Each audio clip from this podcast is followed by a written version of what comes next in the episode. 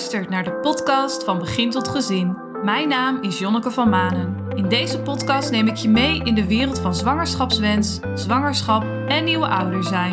Een tijd waarin vertrouwen in jezelf en luisteren naar je intuïtie enorm belangrijk is. Hoe doe je dat dan? En wat als dit flink op de proef wordt gesteld? Laat je inspireren door mijn inzichten, kennis, persoonlijke verhalen van mezelf en andere ouders op jouw weg naar vertrouwen en het volgen van je intuïtie in het ouderschap. Veel luisterplezier! Heel fijn dat je deze aflevering hebt aangeklikt en dat je meer wil weten over geboortetrauma. Dit wordt een uh, solo-aflevering. Ik ga je wat meer vertellen over de risico's waarop je geboortetrauma op kan lopen wat de gevolgen ervan zijn. En dat doe ik allemaal aan de hand van mijn eigen verhaal. Ik ga niet het hele verhaal tot in de detail helemaal uh, met je doornemen. Um, ik ga daar de dingen uithalen waarop er al een risico ontstond, uh, waardoor het geboortetrauma ja, tot stand kon komen. Dus uh, ik ga daarop inzoomen. En wordt het hopelijk in deze aflevering duidelijk hoe snel een geboortetrauma kan ontstaan. Dat je tijdens een zwangerschap of tijdens een bevalling en ook die periode erna, hoe ontzettend ja, vatbaar je ervoor bent. En dat klinkt een beetje alsof je dan een virus te pakken hebt.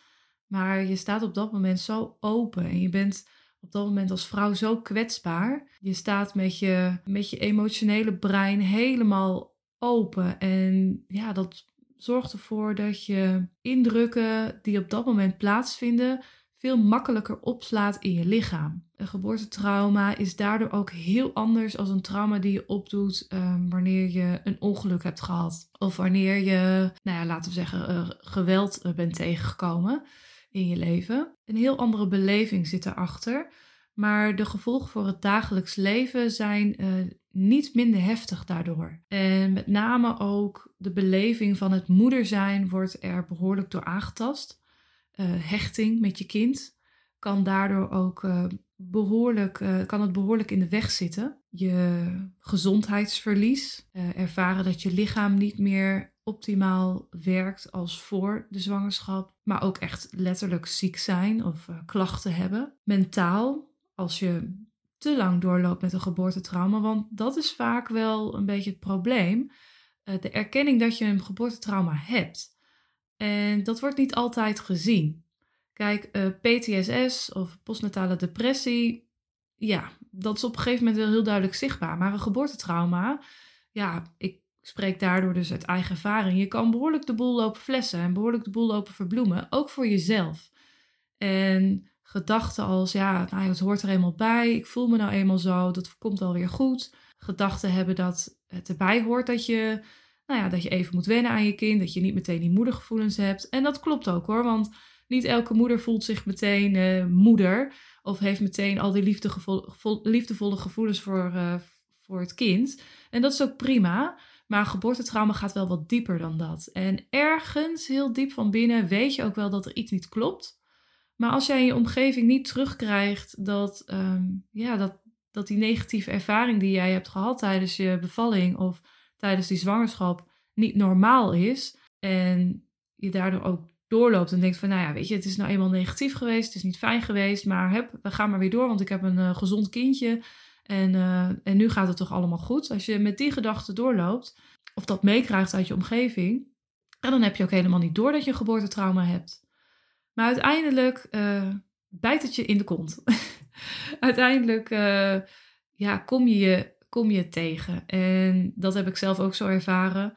Uh, nadat ik na twee jaar, twee jaar na de geboorte van mijn dochter, erachter kwam. Ook omdat ik op dat moment ervaringen kreeg waardoor ik er open voor ging staan dat er iets niet helemaal klopte.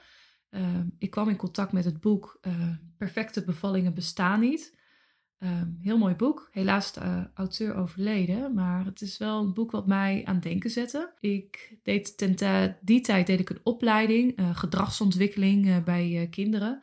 Ja, waardoor je ook zelf in je spiegel moet kijken, je eigen, jezelf, je persoonlijke ontwikkeling ook, ehm, ook in moest duiken. Ja, en als je daar eenmaal mee bezig bent, dan gaan er allerlei laadjes open. Bij mij gingen er allerlei laadjes open en kwam er allerlei, allerlei troep naar boven. Waaronder de geboorte van mijn dochter.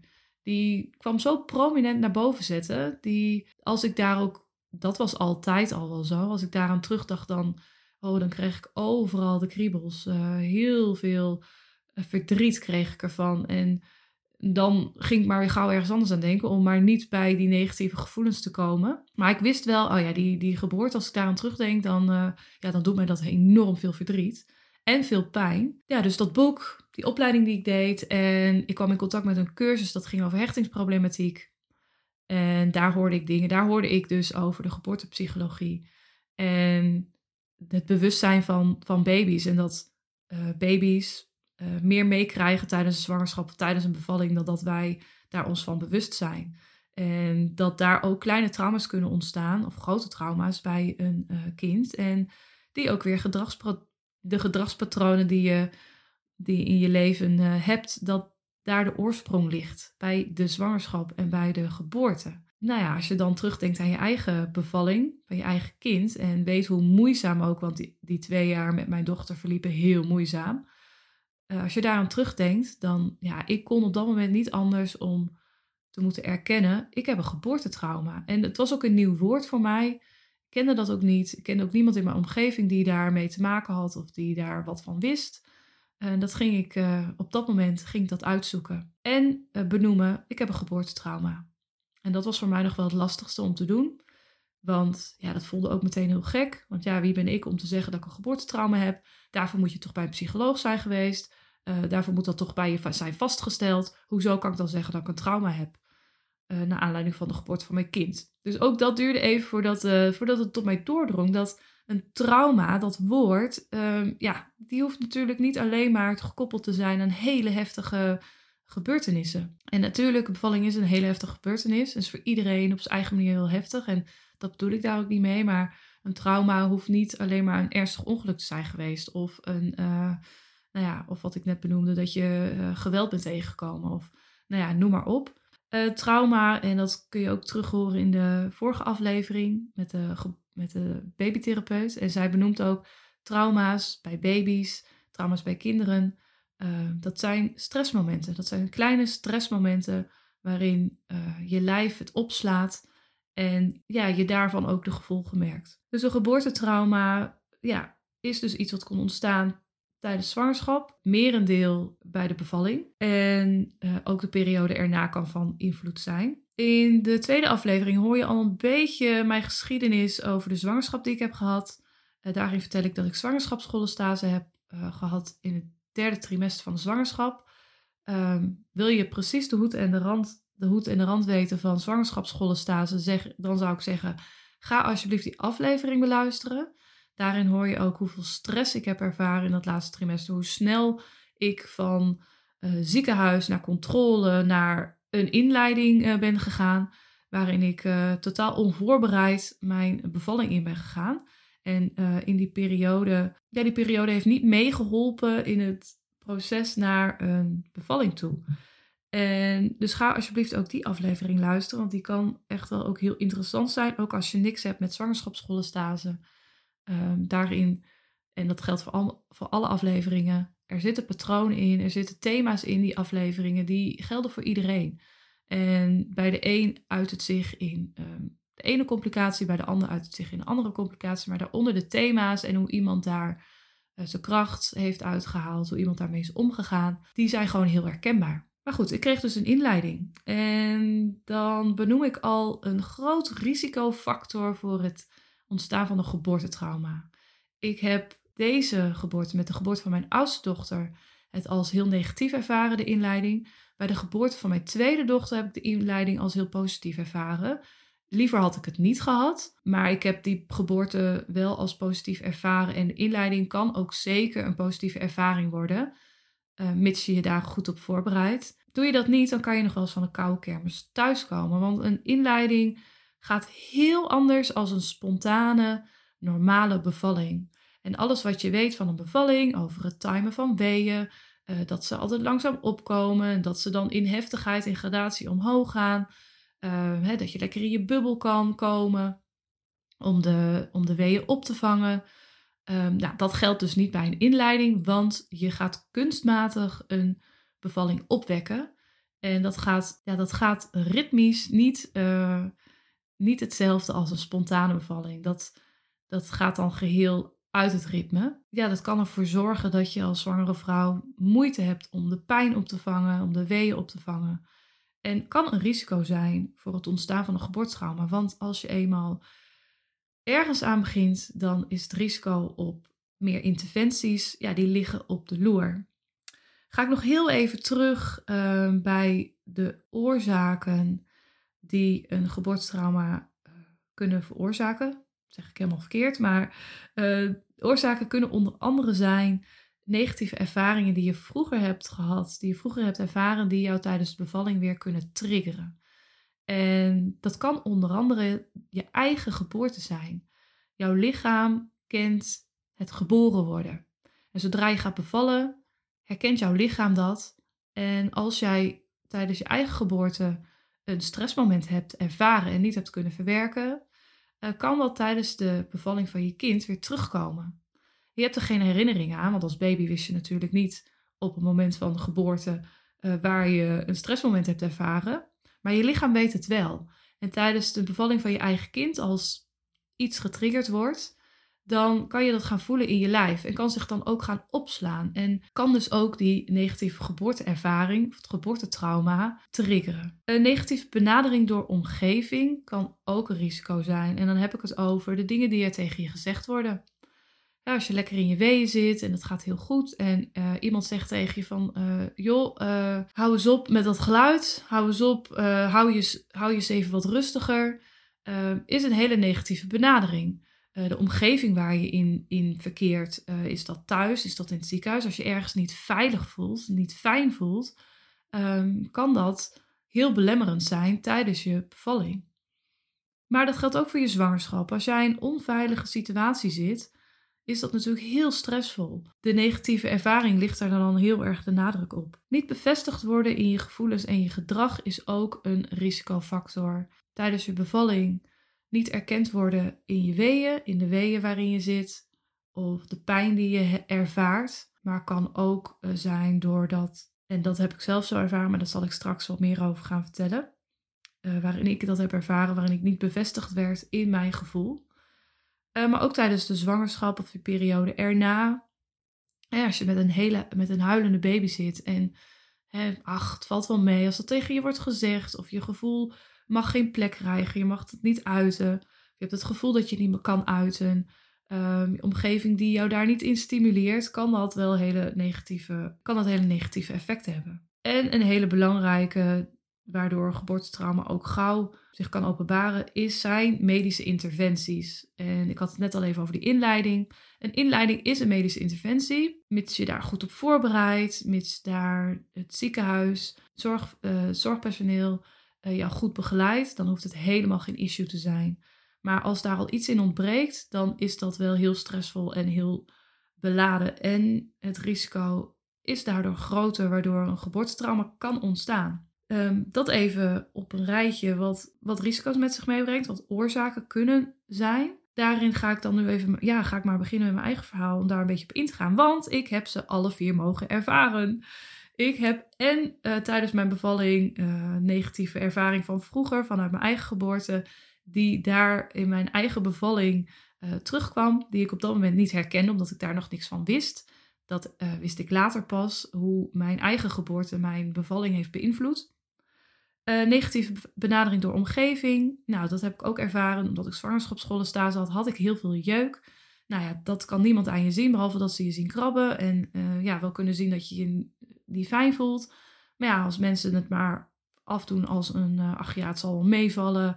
Of ehm, je krijgt niet de ondersteuning die je, die je nodig hebt, hè, die jij op dat moment nodig hebt. Ik had op dat moment echt wel nodig dat ik bevestigd werd in wat ik voelde. En Ehm, dat ik serieus werd genomen. Ja, dat, ehm, ja, dat, was voor mij, dat was voor mij wel een extra trigger.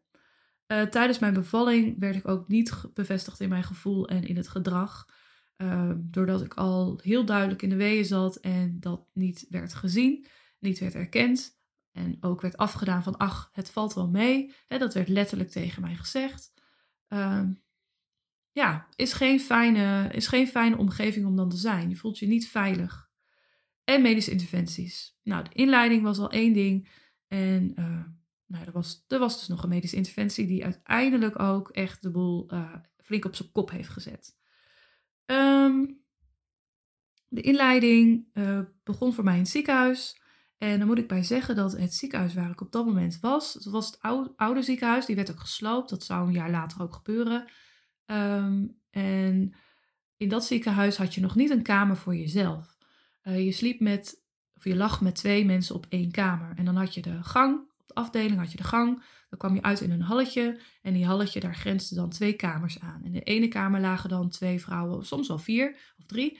En in de andere kamer lagen er ook uh, zoveel vrouwen. En in dat halletje was dan ook uh, de deur naar de doucheruimte en naar de wc.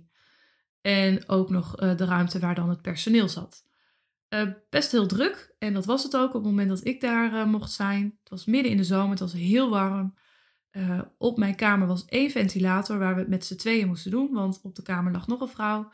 En zij lag er al een poosje. Want haar, ja, als, je, als je een bevalling inleidt, ja, je eigen lichaam is nog niet zo ver om te gaan bevallen. Dus dat moet eerst klaargemaakt worden. Moet, de baarmoedermond moet week gemaakt worden en dat heeft tijd nodig. Uh, helemaal als je, als je lichaam nog niet, wat ik net zei, nog niet zo ver is. Um, dat werd mij ook verteld, meerdere malen. Ik wist dat ik een aantal pillen, um, dat ze een aantal pillen oraal zouden binnenbrengen. Um, die pillen zouden dan synthetisch de bevalling op gang brengen door de baarmoedermond week te maken. Uh, ik kreeg dan ochtends een pil, smiddags en aan het einde van de middag. En dan was het gewoon wachten geblazen tot er wat actie uh, zou komen. Uh, die eerste pil, uh, nou, gekregen. Nou, dan wordt er al dus iets binnengebracht. Er moet dus al iemand met, nou in dit geval moest de volkskundige dan met haar vingers al Ehm, in je lichaam om de pil binnen te brengen. Er, wordt, er werd op dat moment ook nog wat getoucheerd. Uh, heel, nou, niet prettig. Voelt niet prettig. En op dat moment, ja, dan neem je dat. Want het is een inleiding en dat is hoe het moet gebeuren. En dat kan niet op een andere manier. Dat uh, die gedachte, het kan niet op een andere manier. Ja, zo ben ik die bevalling ingegaan. Ik moet ingeleid worden, het kan niet anders. En ik heb daarin geen keuze. Nou, in alles, ook met een inleiding, in alle, een heel proces, je hebt altijd een keuze. En uh, op dat moment ervoor te kiezen geen keuze te hebben. Uh, en te denken, ja, ik laat het allemaal maar over me heen komen. Want ik weet niet wat er gaat gebeuren. Ja, dat is al niet, uh, ja, dan sta je al 1-0 achter. Dat is niet de beste voorwaarde om een bevalling in te gaan. Want je hebt altijd een keuze, ook als er ook als er een inleiding moet plaatsvinden. Um, nou, wat dat betreft, um, ja, ik vond het daar niet fijn. Ik vond het er niet prettig. Maar dat was voor mij nog niet, als ik daar achteraf terugdenk, nog niet uh, iets waar ik heel veel last van heb gehad. Had ik het liever anders gehad? Ja, dat wel. De tweede bevalling heb ik wel ervaren. Lag ik alleen op een kamer en dat was ook de enige kamer waar ik ben geweest. Niemand erbij. Nou, dat vond ik echt heel prettig. En dat is ook heel belangrijk tijdens je bevalling. Rust te hebben, niet zoveel mensen om je heen te hebben, behalve de mensen bij wie jij je veilig en vertrouwd voelt. En dat is dan in een ziekenhuis niet helemaal niet als het zo druk is. Want de vrouw die bij mij op de kamer lag, die had ook nog visite. Dus op het moment uh, dat mijn weeën pas wel goed begonnen, had zij visite. En er zit een dun gordijntje dus tussen. En als jij midden in je weeën zit, wil je gewoon lekker in je bubbel zitten. Ja, ik was daar helemaal niet mee bezig om in mijn bubbel te komen, want ik hoorde alleen maar uh, gepraat naast me en op een meter afstand zaten vreemde mensen. Dat voelde heel onveilig en ik heb daarna ook nog uh, vriendinnen gesproken die, die ook een inleiding hebben moeten ervaren, die ook op dat moment, uh, nou, rond die tijd, ook in het ziekenhuis zijn geweest en die hebben toen precies hetzelfde gedaan. De weeën ingehouden. In ieder geval zo stil mogelijk die weeën opgevangen. En helemaal niet Ehm, omdat je dat uh, fijn vond, maar omdat je niet je bezwaard wilde voelen tegenover de mensen in de kamer. Nou, en aan, nou, aan de ene kant eigenlijk ook omdat je een stukje ongemak die daarin zit. Ja, en op die manier je weeën opvangen is gewoon niet prettig. Um, als ik daaraan terugdenk, moment dat bij mij echt die uh, weeën begonnen, dat was al niet fijn. Nee. Dat, dat was geen veilige situatie en ja, heel jammer. Of dat het moment al was, mm, dat nou, droeg natuurlijk niet bij aan uh, de hele verdere bevalling, maar dat was voor mij nog niet, ja, dat is voor mij nog niet uh, het moment geweest dat ik dacht van, oh ja, dit, voor mij heeft dat echt wel alles op zijn kop gezet. Het moment dat voor mij wel, dat voor mij wel heel bepalend was, was het moment dat bij mij dus de weeën begonnen. Dat ik nog niet zo goed wist dat het weeën waren, maar ik ergens al wel voelde van, hé, hey, dit is heel anders dan dat ik uh, ervaren als ik gewoon buikpijn heb of krampen heb. Dit moeten wel weeën zijn. Het moment dat ik daarvoor de verpleegkundige voor belde en die bij mij kwam. En het moment dat zij tegen mij zei, nou dat kan nog helemaal niet, je kan nog helemaal geen weeën hebben. Dat was voor mij wel een, een punt waarin, ik, waarin het voor mij er wel toe deed. Uh, dat is wel een punt geweest waarin dat, die is heel bepalend geweest voor de rest van de verloop van de bevalling. Ik vind het heel belangrijk om heel serieus genomen te worden.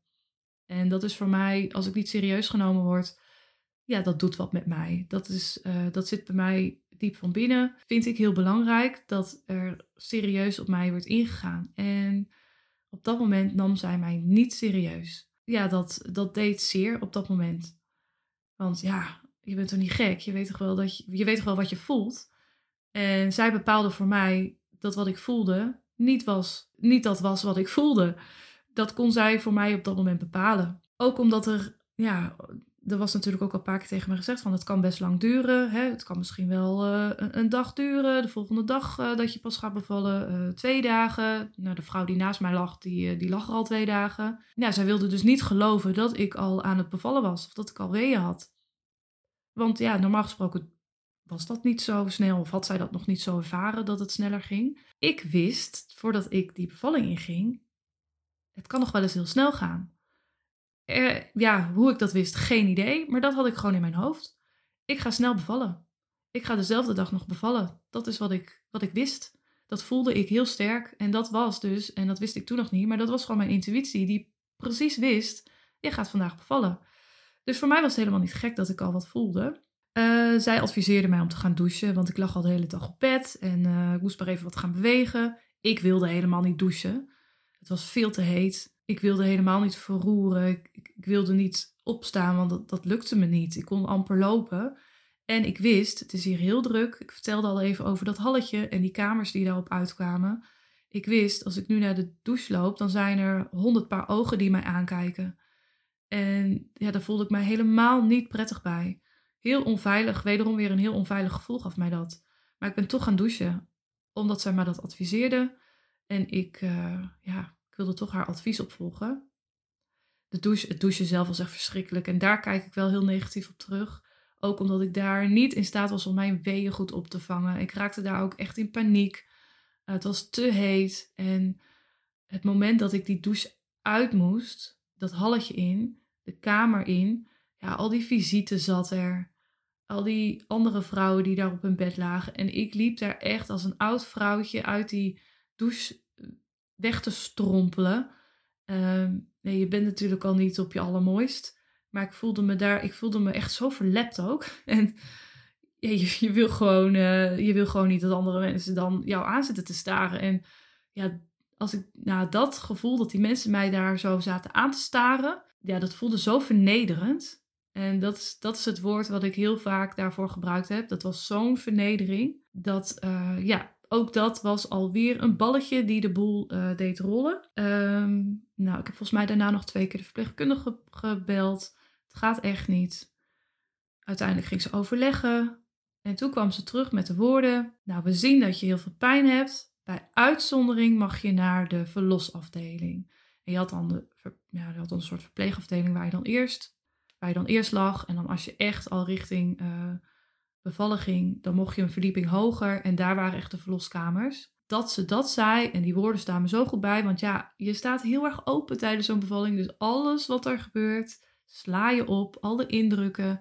En ook deze indruk heeft mij niet losgelaten. Dat zij toen tegen mij zei: bij uitzondering mag je nu naar de andere afdeling.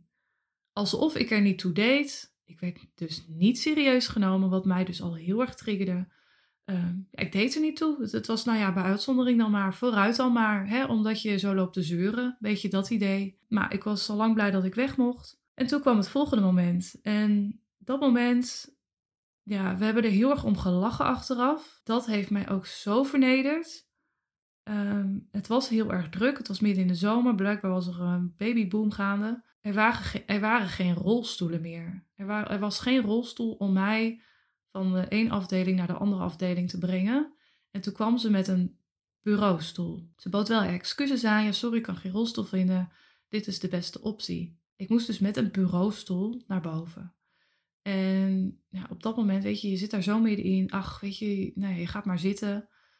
Ja, dat gaat natuurlijk voor geen meter. Die bureaustoel kwam niet vooruit en ik kwam er ook nog bijna van af te vallen. Achteraf hoorde ik dat ik ook gewoon met bed en al die kant op had kunnen gaan. Maar ja, ik werd dus niet serieus genomen. En ze vonden dat ik dus wel gewoon zelf die kant op kon gaan. En de vernedering zit hem vooral in mij. Ja, het was een bureaustoel. Kom op. Ik, wat ik nu ook weet en, en ook wat ik daarna ook voelde. En we hebben het toen afgedaan als een, grapje. Maar toen ik echt serieus inging op dat geboortetrauma en wat dat met mij deed, kwam dit moment wel heel sterk naar voren. Ja, dat doe je gewoon niet. Je gaat toch niet met een, een vrouw die midden in haar bevalling zit met een bureaustoel aankomen.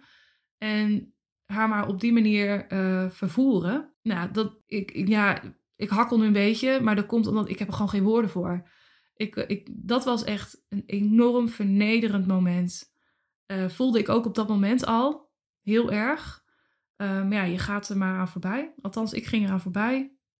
Ik uh, heb dat ook niet uitgesproken van nou, dit vind ik echt te belachelijk. Ik eis een rolstoel. En dat had ik echt mogen doen. Ik had echt mogen eisen. Ik eis een rolstoel of ik, uh, of ik ga uh, niet. En je doet je best maar. Maar dat was, dat was de realiteit. eenmaal op de afdeling, nadat we er eindelijk waren. Ja, op het moment dat ik daar was, braken mijn vliezen ineens. En mijn man was op dat moment even weg, want die moest waren de, de banden vergeten. Die banden die je dan om je heen krijgt. Om je buik krijg je banden. Waar dan de apparaatjes. Er komen apparaatjes op je buik. En die banden houden de apparaatjes op hun plek. Zijn, die elastische banden zijn dat. Die krijg je mee. En die moet je ook niet meer uit je. Die moet je ook in zicht houden. Want die, die zijn van jou. En die moet je overal meenemen. En die, band, en die apparaatjes heb je dus op je buik. Om dan uh, de hartslag van de baby in de gaten te houden. En daar word je mee gecontroleerd. Kom je aan dat uh, apparaat te liggen.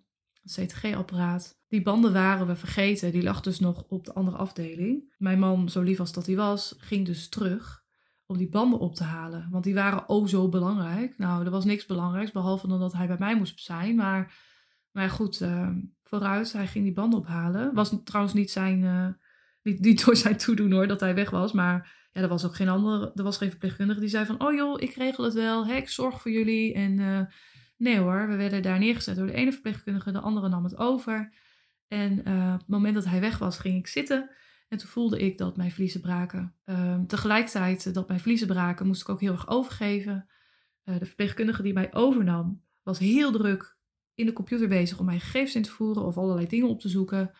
Uh, die, keek naar, die zat, stond met de rug naar mij toe. Die keek mij aan, zag dat ik het moest gaan overgeven en dat mijn vliezen braken, hield mij uit de broek, gaf mij een bakje en draaide zich weer om en ging verder met de computer. Zij liet mij daar dus zitten al overgevend en uh, met uh, gebroken vliezen, liet zij mij daar uh, zitten. Met de rug naar me toe. Dat weet ik ook nog heel goed. Ze stond met de rug naar mij toe. Ze keek me niet aan. Ik had geen aandacht. Er was niemand om mij heen. Niemand die mij troostte.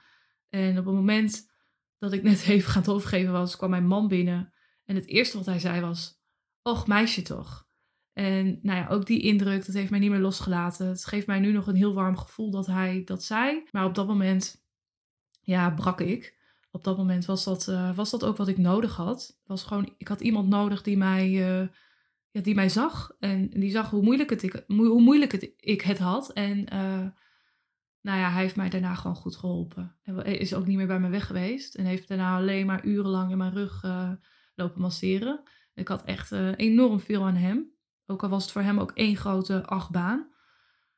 Um, ja, de verpleegkundige had ik dus niks. Ja, en uh, ik, dit is niet om iemand af te vallen. En ik weet ook niet hoe zij op die, op die dag, hoe haar pet stond. Maar ik weet wel dat ik op dat moment wat anders nodig had dan wat zij mij bood. En ik hoop echt van harte dat, uh, dat het niet meer op die manier gaat. Ik heb ook bij de tweede bevalling uh, de verpleegkundige als heel lief ervaren. En die alle tijd en aandacht voor mij hadden. En ja, ik, ik, ik hoop dat er wat aan de hand was waardoor dat op dat moment een beetje misliep. Ehm, maar ja, voor mij was dat, was dat niet fijn. Want ook op dat moment, ik werd niet serieus genomen in mijn gedrag. Ik kon duidelijk zien dat ik echt al ver was. Ehm, en zij gaf daar totaal geen aandacht aan. En een hele negatieve benadering door mijn omgeving, door haar. Ehm, op dat moment uh, werd ik ook uh, toegewezen aan de verloskundige die mij, die mij verder hielp. Ja, de, de weeën waren continu, gingen continu door. Er, zat geen tijd tussen. En dat is, dat is het nadeel van een inleiding. Um, het kan heel heftig gaan. En dat wordt je dan niet verteld van tevoren. Dat je weeën dus op een heel andere manier aangestuurd worden. En een hele onnatuurlijke, onnatuurlijk ritme gaan volgen. En ja, dat kan echt leiden tot, tot weeënstorm. En uh, die heb ik ook uh, gehad. Enorme weeënstorm. Continu door. En ja, dat is gewoon niet vol te houden. Daar, uh, je, je, komt gewoon niet in je, in je bubbel om echt die, die, die pijn op te vangen of die weeën op te vangen. En nou, voelt heel paniekerig. Dat, dat heb ik wel op die manier ervaren. Ik vond het heel, heel onprettig. Ook omdat ik het niet wist. En ik allemaal maar in mijn hoofd had van ja, maar er moet toch tijd tussen zitten. En waarom, waarom is dat nou niet zo? Er is iets mis. Uh, mijn ontsluiting ging langzaam. Die ging gewoon, uh, ja, ik zat op het moment dat ik op die verlosafdeling was op drie centimeter. En er werd maar tegen mij gezegd: Dit gaat de hele nacht nog wel duren. Ga je dit volhouden?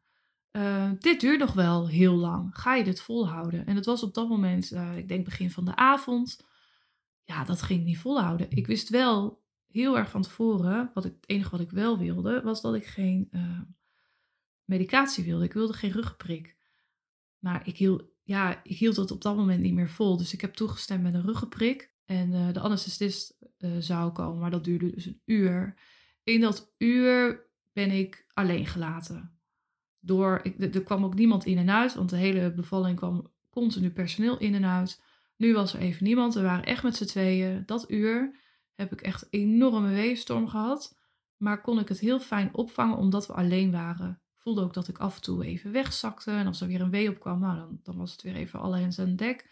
En dan zakte ik weer even weg. En achteraf weet ik gewoon dat ik toen op dat moment heel goed uh, de boel aan het opvangen was. Nou, dat was ook wel, ondanks, uh, ondanks de weeën, ook een prettig moment. Omdat we de rust hadden. We hadden eindelijk rust. Maar ja, in mijn hoofd zat, je zit op drie centimeter. Op een gegeven moment voelde ik een enorme persdrang. Dat is dus niet tegen te houden.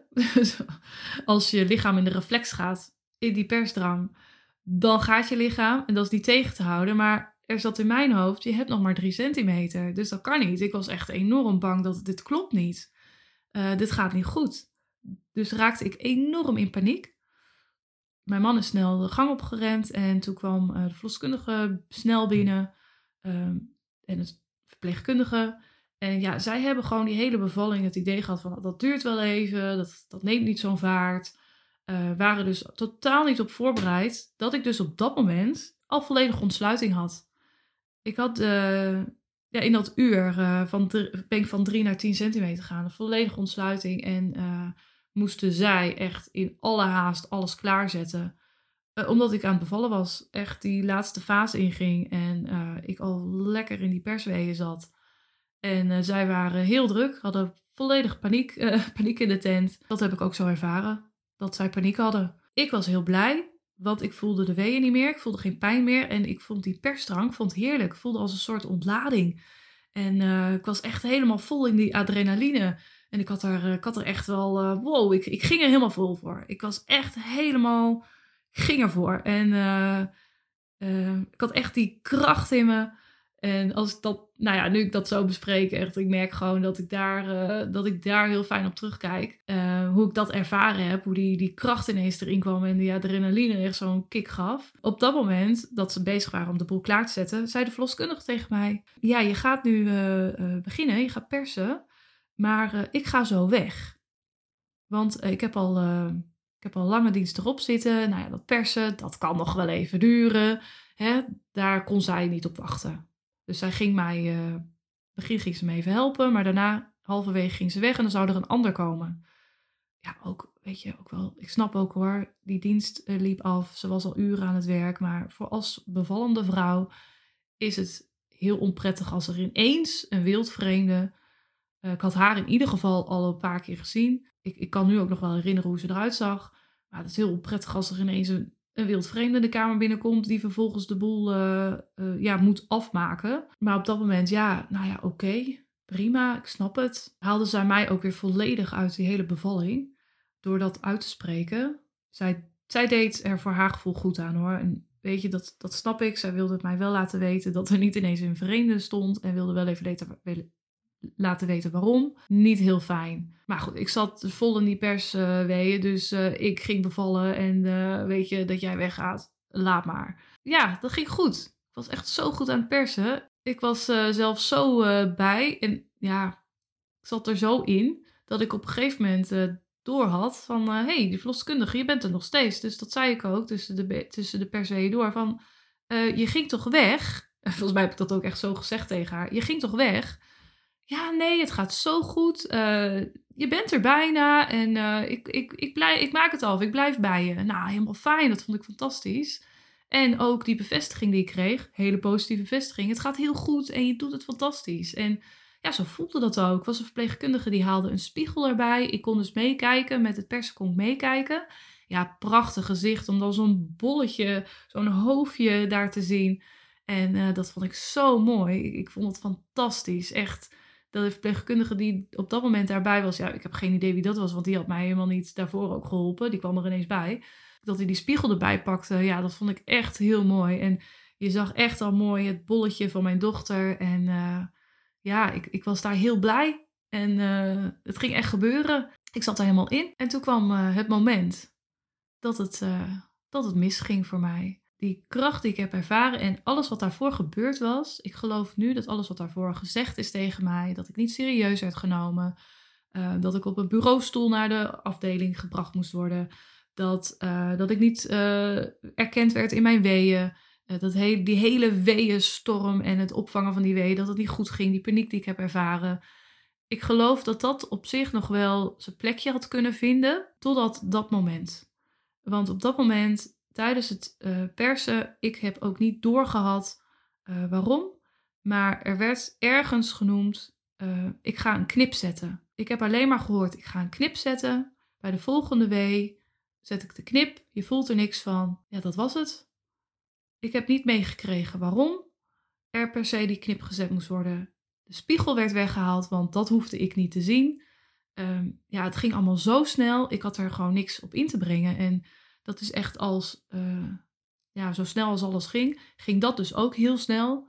Uh, de spiegel werd weggehaald, want zij bepaalde voor mij dat ik dat niet hoefde te zien. De knip werd gezet. Ik wist ook niet waarom de knip werd gezet. Ik zat, nou ja, dat wordt dus gezet midden, in dat je in zo'n perswezen zit, zodat je het wat minder voelt of zo. Ik heb het ook inderdaad niet gevoeld, het uiteindelijk het knippen. Ja, ik was nog druk aan het persen en voordat ik het door had, lag er ineens iets op mijn buik.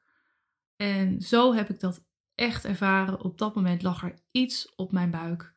Er lag niet een baby op mijn buik, er lag niet mijn kindje op mijn buik. Er lag iets. En ja, ik kan me nog herinneren, ik zat in die perswee en ik deed mijn ogen open en ineens lag daar iets. Ja, dat was ook mijn gedachte, wat is dit? Huh? Ik heb daarna ook het geboortetrauma, um, daar, ben ik, daar heb ik hersteltherapie op gedaan. En, um, en ook in de jaren daarna, als ik erop terugkeek en dan terugdacht, uh, het grootste probleem voor mij was op dat moment stonden al mijn mijn zintuigen stonden allemaal open. Ehm, en op dat moment van die knip ja, was het alsof alles uh, dichtsloeg.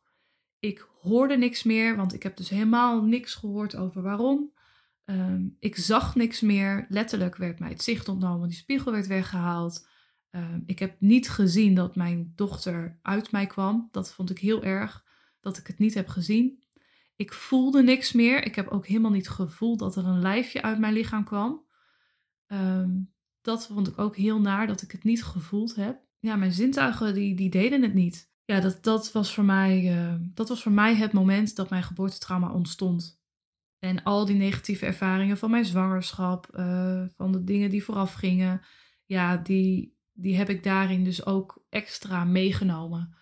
Ehm, heb ik daardoor ook niet kunnen, een plekje kunnen geven, omdat het geboortetrauma van die knip zo enorm drukte. Ja, was voor mij het moment dat uh, het gevoel dat ik mijn kindje, ik, ik, nou, ik, ik had een enorm verlangen naar het kindje, naar mijn dochter. Uh, ik vond de zwangerschap ook echt fantastisch, hè, los van de complicaties die ik kreeg. Um, nou, ik had echt, nou, ik, voelde echt wel dat die, uh, hè, dat die moedergevoelens opkwamen. En ja, die, dat moment van de knip was het moment dat alles, alles wegging. Alles was weg. Al het gevoel wat ik had, al het verlangen en, en eh, de liefde, ja, die was met een knip weggehaald. En die heb ik de jaren daarna ook uh, met heel veel pijn en moeite heb ik die liefde weer moeten ervaren. Um, had ik ook echt wel na de geboorte van mijn dochter liefde voor haar hoor. Maar ik moest wel echt um, van ver komen. En um, ja, hoe leg ik dat goed uit? Het gevoel van ik wil jou niet meer, dat overheerste heel erg. Zo heb ik twee jaar lang met haar, uh, heb ik dat twee jaar lang met haar zo ervaren. Ik wil jou wel, maar ik wil jou ook weer niet. En ik trok haar aan wanneer ik mij goed voelde, wanneer ik zelf positief was. En ik stootte haar af wanneer, ik, uh, ja, wanneer het voor mijzelf te veel was.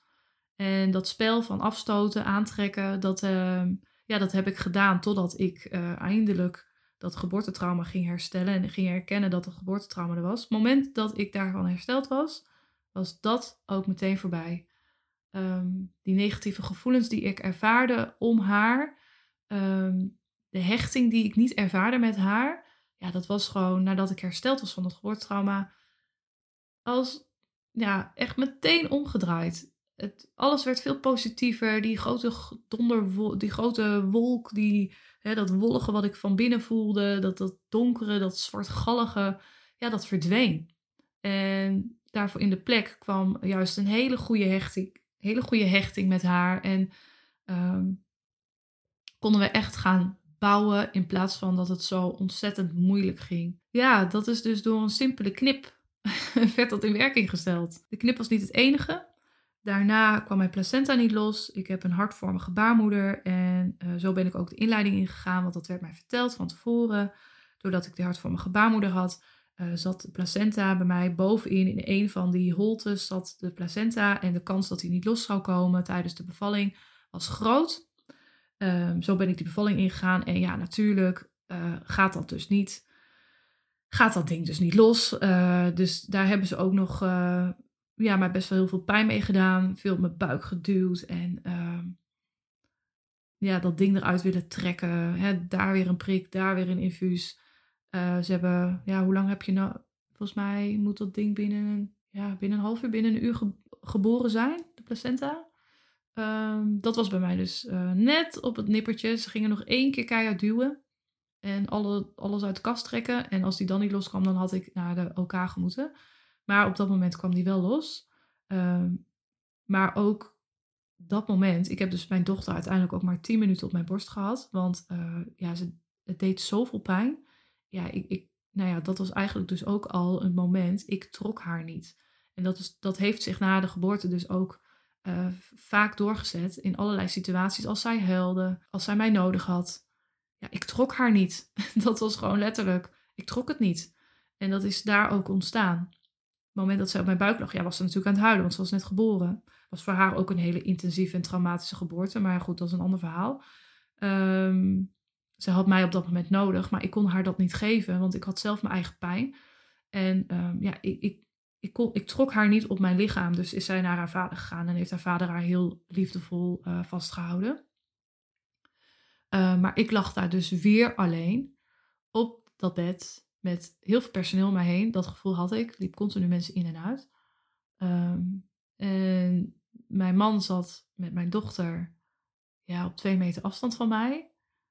Um, hij, ja, hij ging helemaal op in haar natuurlijk. En, en kon er op dat moment niet voor mij zijn. En ik was daar dus weer alleen. Er was ook geen verpleegkundige die naast mij bleef staan of een arm om mij heen sloeg of echt alleen maar bij mij was en mij vertrouwen gaf of uh, lieve woorden tegen mij zei. Ja, ze waren alleen maar druk om uh, de placenta eruit te krijgen. En ja, hoe ik me voelde, dat uh, was niet belangrijk. En dat was voor mij dus ook wel weer een enorme trigger. Ik was niet belangrijk, ik voelde me alleen, ik werd niet serieus genomen. Ik kreeg nog zo'n zuurstofmasker op mijn stuffet gedrukt, want ik verloor nogal wat bloed. En ze zagen dat mijn zuurstofgehalte naar beneden ging. Ik vond het helemaal niet nodig dat ik dat ding op mijn neus kreeg. Maar goed, hup, uh, doe dan maar, want jullie zeggen dat het moet. Uh, ik wilde het helemaal niet. Ja, en de verpleegkundige die ik daarna ook had, die was alleen maar heel streng voor me. Deed ook niet lief. Ik mocht amper, hè, nadat alles voorbij was en eindelijk iedereen de kamer uit was, mocht ik van haar ook niet douchen. En nou, dat was het enige moment dat ik echt op mijn streep stond van ik moet nu douchen. Ik ga me dan fijner voelen. Ik, ik voel me nu gewoon niet fijn. Ik wil onder die douche. Nou, vooruit met hoge uitzondering. Hè, dat, werd, dat zei ze weer. Nou, vooruit met uitzondering. Uh, vijf minuten, maar niet langer. En zij hield gewoon wel heel erg mijn gezondheid in de gaten. Zij wilde natuurlijk niet dat ik onderuit ging, omdat ik zoveel bloed had verloren. Uh, maar goed, ze was ook niet vriendelijk. En ja, en dat heb je gewoon wel nodig tijdens je bevalling. Je hebt gewoon vriendelijke woorden nodig en uh, bevestiging nodig en vertrouwen. En ik heb dat op geen enkel moment gehad, behalve dan tijdens het bevallen. Dat verloskundige zei dat ik het zo goed deed tijdens het persen. En hup, ze nam het zo weer bij me weg. Uh, ze nam het van me af. Uh, ja, haalde het uiteindelijk bevallen bij mij weg. En ja, ik was in alle opzichten complete regie kwijt. En ja, is gewoon heel belangrijk om af te sluiten, om mijn verhaal een beetje af te sluiten. Het is gewoon heel belangrijk dat je tijdens je bevalling het gevoel hebt dat jij de regie hebt. Jij weet echt wel wat het beste is op dat moment voor jezelf. Heb jij het idee dat het niet goed gaat? Er is geen moeder die dan dat voor zich houdt. Uh, natuurlijk ga je dan zeggen dat het niet goed gaat. En als jouw uh, zorgverlener daarop vertrouwt, dan gaat het ook gewoon goed. En dat is ook dat risico wat ik aangaf met medische interventies. Ja, de ene interventie leidt weer tot de andere. Ja, zo hop je van de ene interventie naar de andere. En ja, dan loopt het risico dat het geboortetrauma, die negatieve geboorteervaring, ja, die ligt gewoon heel dicht op de loer. Fijne omgeving, waar je je veilig voelt, rust om je heen. Dat is gewoon heel belangrijk om alle natuurlijke processen goed op gang te brengen. En als dat er niet is, dan hoeft niet te betekenen dat je meteen een geboortetrauma krijgt. Uh, maar er, liggen, ja, het zijn wel grotere risico's. En ja, is ook gewoon niet fijn om in een hele onveilige omgeving te zijn. Laten we wel wezen. Je wilt toch wel gewoon dat alles zo ingericht is dat jij je prettig voelt. En dat valt en staat wel met de voorbereiding die je doet voor je bevalling. Goede voorbereiding, echt alles tot in, de, in de detail. En uh, dat gaat echt wel wat dieper dan alleen maar, uh, ja, ik wil zo, zo, zo, zo.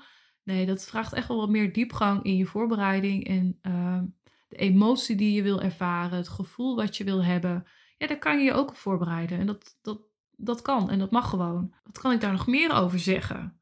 Heb je vragen over geboortetrauma? Uh, schroom niet om een berichtje te doen. Heb je naar aanleiding van dit verhaal het idee, ja, ik, ik denk eigenlijk ook heel verdrietig terug op, mijn, op de bevalervaring of de geboorteervaring van mijn kind. Um, het maakt mij nog altijd heel verdrietig, het verlamt me. Ik voel, uh, ik voel angst in het zwanger worden, bevallen van, voor, een volgende kind, voor een volgend kindje. Heb ik zelf ook ervaren. Ik heb heel lang ook niet zwanger willen worden, omdat die negatieve geboorteervaring zo drukte. Ja, zo zijn er nog veel meer gevolgen die je kan ervaren na aanleiding van een negatieve geboorteervaring, een geboortetrauma. Het kan ook bijvoorbeeld uh, de dynamiek binnen je gezin. Uh, hè, dat je niet het gevoel hebt dat je de moeder kan zijn die je wil zijn. Je voelt je, je, voelt je eenzaam in je gevoel. Je voelt veel woede, boosheid uh, onzekerheid, lichamelijke klachten, snel overprikkeld zijn, niet kunnen slapen, hoofdpijn. Als er al ergens iets knaagt bij je, als er al ergens iets is dat je denkt van, ja, het, want het kan echt anders. En tuurlijk, je moet wennen in de nieuwe rol van moeder zijn, of als je een tweede kindje, derde kindje krijgt, je moet eraan wennen. Maar je hoeft je echt niet altijd uh, ongelukkig te voelen. Als een geboortetrauma, uh, dat kan natuurlijk wel, een geboortetrauma die lang onbehandeld blijft, daar kan uiteindelijk een depressie uitkomen. En, uh, of een burn-out. En dat heb ik zelf dus ook ervaren. Uh, uiteindelijk kwam ik ook in een burn-out terecht. En dan weet je ook wel van, ah, er is ook wel echt stront aan de knikker. Daar zijn ook echt wel de manieren voor. Ik kan aanraden om dan naar de geboortespecialist.nl te gaan. Uh, Brun Kuipers is echt een expert en een kei in traumaherstelgesprekken. En je kan vaak met één of twee sessies al van je geboortetrauma hersteld zijn. En uh, dat gaat dan niet op de manier zoals met EMDR, want daarin wordt heel erg je werkbrein aangesproken en moet je die negatieve ervaring continu weer herbeleven. Um, bevallen, zwanger zijn, doe je vanuit je emotionele brein en daar moet je op aangesproken worden. En dat is ook wat traumaherstel uh, de beste resultaten geeft met traumahersteltherapie. Is als je op je emotionele brein wordt aangesproken. En uh, dat is de, de traumaherstelgesprekken, de traumaconsulenten vanuit de geboortespecialist. Want er zijn meerdere mensen die dat doen. Die zijn daar echt heel goed in. Om dan, ja, waarin je op een goede manier, op een positieve manier, je negatieve ervaring kan verwerken. Je mag mij volgen op Instagram. Daarin uh, vertel ik heel uitgebreid over mijn ervaringen. Ook onder andere dit verhaal komt ook nog wel geregeld terug. Uh, ik begeleid ook zwangerschappen. Traumapreventie, daar doe ik aan. Ik doe echt aan preventie. En dat, het stukje trauma klinkt heel uh, zwaar. maar ehm, ja, bij mij staat voorop dat, dat, dat ik het iedereen gun een positieve ervaring te hebben. En ik heb bij mijn tweede bevalling ook echt een positieve ervaring gehad. En daar ga ik ook nog wel een podcast over maken. Want het kan ook echt wel anders. En gelukkig heb ik dat ook mogen ervaren. Dat het echt anders kan. En dat je uh, ook met een medische interventie een positieve ervaring kan hebben. Dat je ook, uh, ik heb daarna ook twee uh, baby's gehad die heel veel hebben gehuild. maar ook dat je daarin ook een hele ervan, er, andere ervaring in kan beleven. Volg mij op Instagram. Maandag, punt van begin tot gezin. Ik wil je heel erg bedanken voor het luisteren naar dit verhaal. Ik, uh, het is niet een heel kort verhaal. Dat kan ook niet. Een geboorteverhaal kan niet kort zijn. Het is gewoon een uitgebreid verhaal. En ik heb nu echt nog wel wat details nou ja, niet hoeven te vertellen, want dat was niet nodig. Maar ik had nog wel wat uitgebreider kunnen vertellen. Maar dat kan misschien een andere keer. En jouw geboorteervaring doet daar ook toe. En deel je verhaal. Echt zo belangrijk. Deel je verhaal. Vertel je verhaal. En uh, ik hoop je heel gauw weer. Ik hoop heel gauw dat je weer terugkomt voor een volgende aflevering. Heel erg bedankt voor het luisteren. Dat waardeer ik echt enorm. Volg mij uh, voor nog meer mooie verhalen die eraan gaan komen. En uh, dan wens ik je een hele fijne dag.